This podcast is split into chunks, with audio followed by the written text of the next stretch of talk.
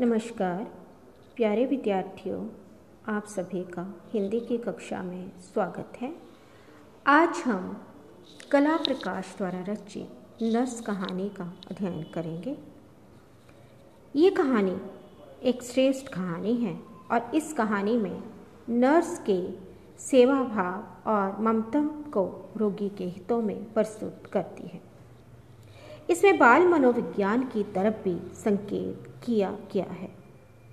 महेश छः साल का छोटा बच्चा था। उसका ऑपरेशन हुआ था, इसलिए वे अस्पताल में भर्ती था। अस्पताल में मरीज़ से मिलने का समय छः बजे का था, लेकिन महेश की माँ सरस्वती समय पूरा हो जाने पर भी महेश की जिद के कारण वहाँ रुकी हुई थी। वह चाहकर भी जा नहीं पा रही थी। महेश अपनी माँ को अपने पास रोकना चाहता था। सरस्वती बाढ़ में इधर उधर देखने लगी। सभी बच्चे महेश को ताक रहे थे। सरस्वती को याद आया कि कुछ देर पहले नौ नंबर बेड वाले ने उसे बताया था कि ऑपरेशन के बाद महेश माँ माँ करके रो रहा था। तब सरस्वती उस नौ नंबर वाले बालक को महेश के पास छोड़कर जल्दी से अस्पताल के गेट के पास आ गई उसकी आँखों से आँसू छल छला रहे थे। बाढ़ में नौ नंबर वाला बच्चा महेश को समझा रहा था, किंतु महेश कुछ सुनने को तैयार नहीं था। वह तो बस माँ की रट लगाए हुए था। कुछ देर बाद वह बच्चा वापस अपने बेड पर चला गया। थोड़ी देर बाद चारों ओर खामोशी छा गई। इस खामोशी में भी महेश की मम्मी मम्मी की हिचकी गूंज रही थी। सात बजे मरिंडा और माजिरकर नाम की दो नर्सें बाढ़ में आई। वह दोनों आपस में बातें कर रही थी। मरीजों को दवाई खिला रही थी। उनका बिस्तर ठीक कर रही थी। चार नंबर बेड पर पहुंचकर मरिंडा बच्चे से बोली कि उसका बिस्तर खिड़की के पास है।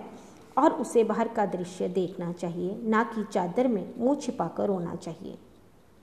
मरिंडा में बच्चों के प्रति अत्यंत लगाव और प्यार था। मैं माँ जेरकर से भी बच्चों के पास समय बिताने और बातें करने को कहती है, लेकिन माँ जेरकर ये कहकर टाल देती है कि सांस लेने तक की फुर्सत तो है नहीं, बातें कब करेंगे? दोनों नर्सों के जाने के बाद फिर से बाद में खामोशी समा गई।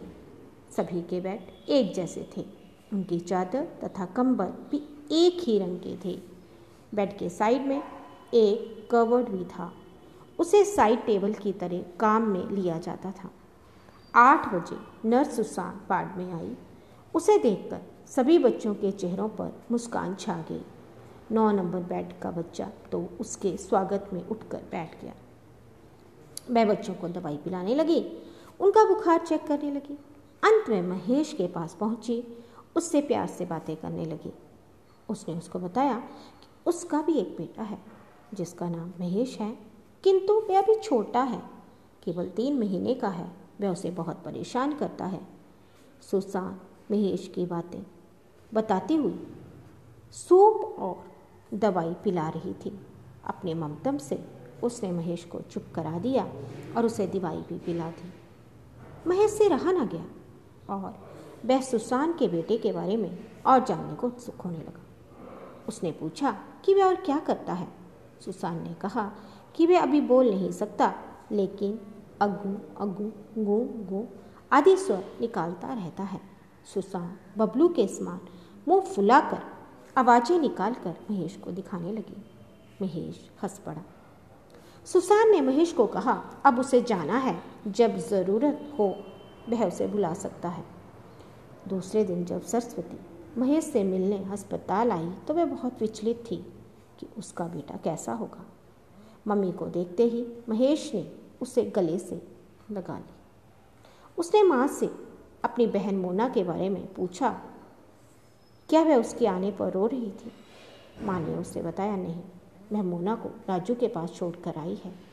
तब महेश ने माँ को बताया कि सिस्टर सुसान का बेटा उसके आने पर बहुत रोता है वह बहुत शैतान है। माँ के दिल पर सुसान का नाम छप गया। उसने महेश को बड़ा प्यार और दुलार जो दिया था।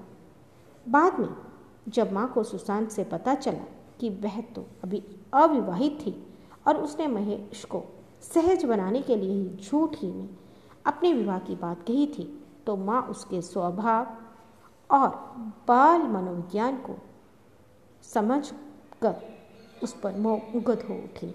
ठीक धन्यवाद।